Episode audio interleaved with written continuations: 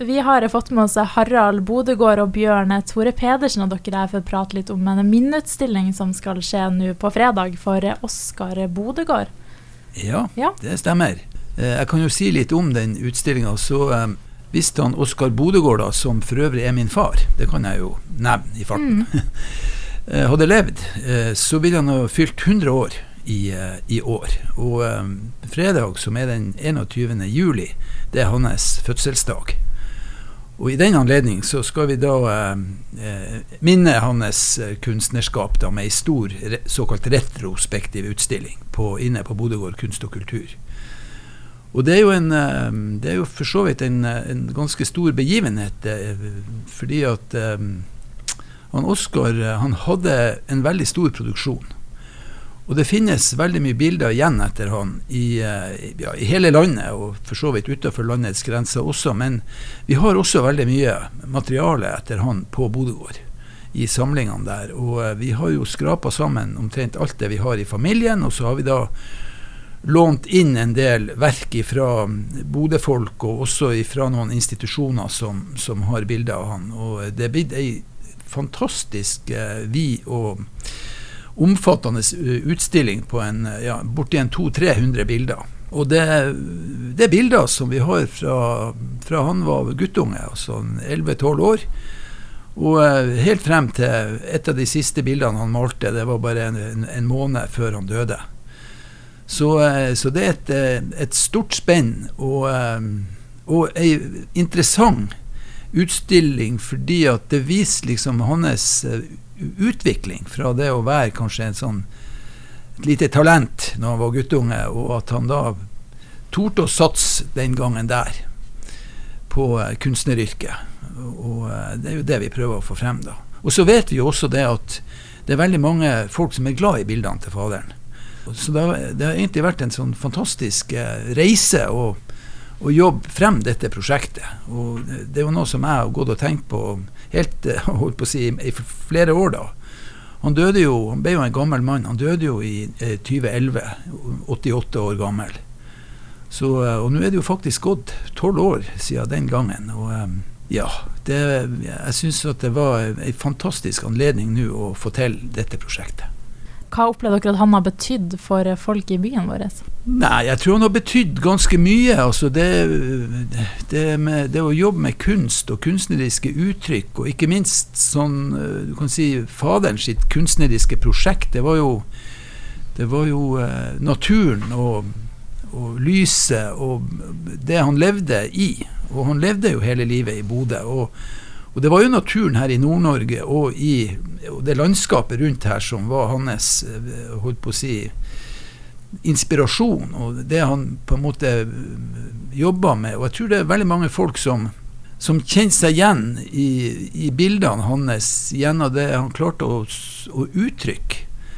Og eh, det er folk som faktisk har sagt til meg at gjennom å se på bildene til han Oskar Bodegård, så klarer å lese naturen på en helt ny måte. Og det er jo veldig interessant.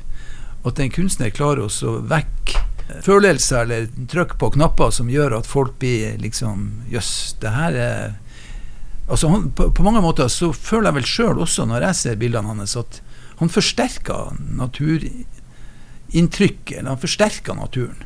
Av og til nesten så det gjør litt vondt, altså. Men eh, Og jeg vet jo også Jeg kjente han jo veldig godt, selvfølgelig. Og jeg vet jo også at han var opptatt av å skape ro og skape balanse. og den der Å få inn de der elementene. Og jeg tror nok at faderen tenkte som så at i en sånn der, litt sånn uh, rufsete verden han, han, han, vokste jo opp med krigen og urolig verden og all faenskap som skjer, så tror jeg han var opptatt av liksom å gjøre det motsatte. Lage en motsats til det her som Altså, ja, som, som uh, man kunne hvile sjela si, rett og slett. Uten at det da dermed skulle bli banalt på noe vis. Altså. Det, var, det var sånn jeg oppfatta han som, som uh, skapende kunstner, også, rett og slett.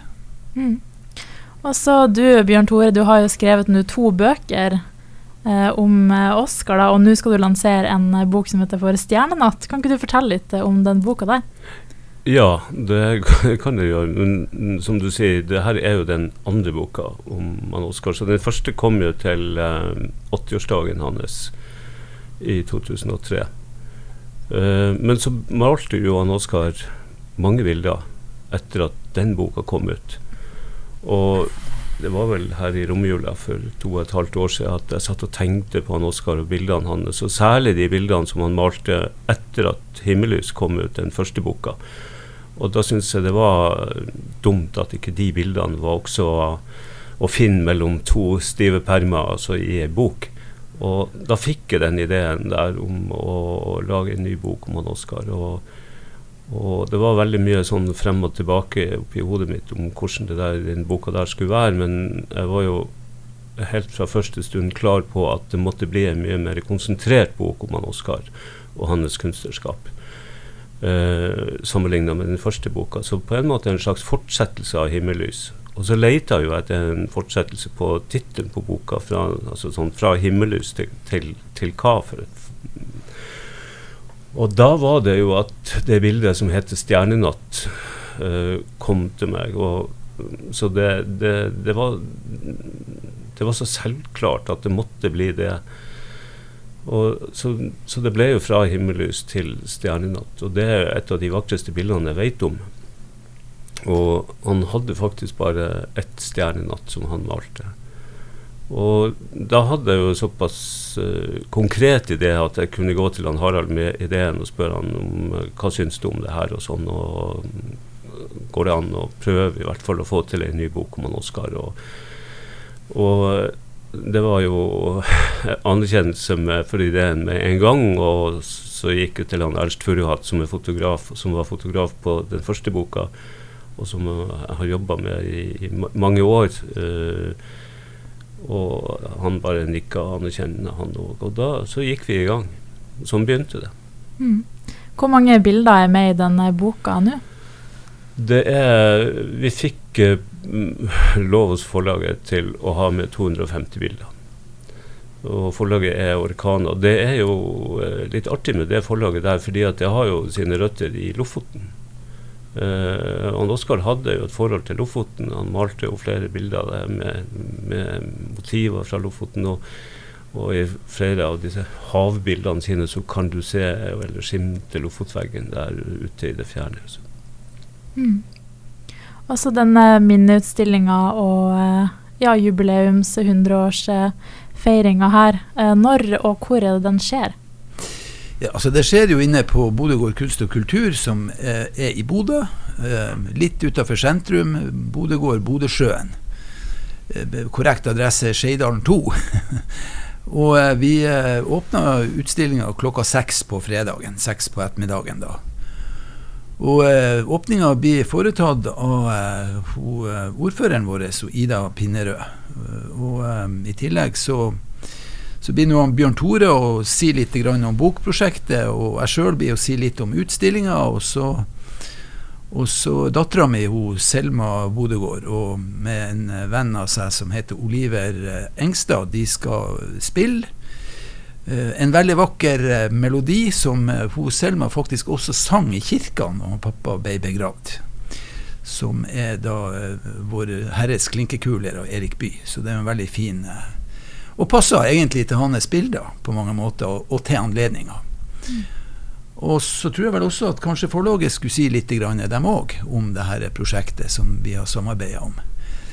Og så får jo folk anledning til å gå rundt og se på bildene. Og vi har jo også et tilbud nå nede i serveringa med bærebusmel som faktisk skal lage Oscars neslesuppe for anledninga hvor man kan kjøpe seg ei uh, suppe med hans spesialitet. Og den oppskrifta om neslesuppe, den står faktisk i boka. okay. Så uh, det blir jo gøy. Ja. Men det er supert. Tusen takk for at dere ville komme, og så får dere masse lykke til på fredag. Tusen hjertelig takk. Tusen takk.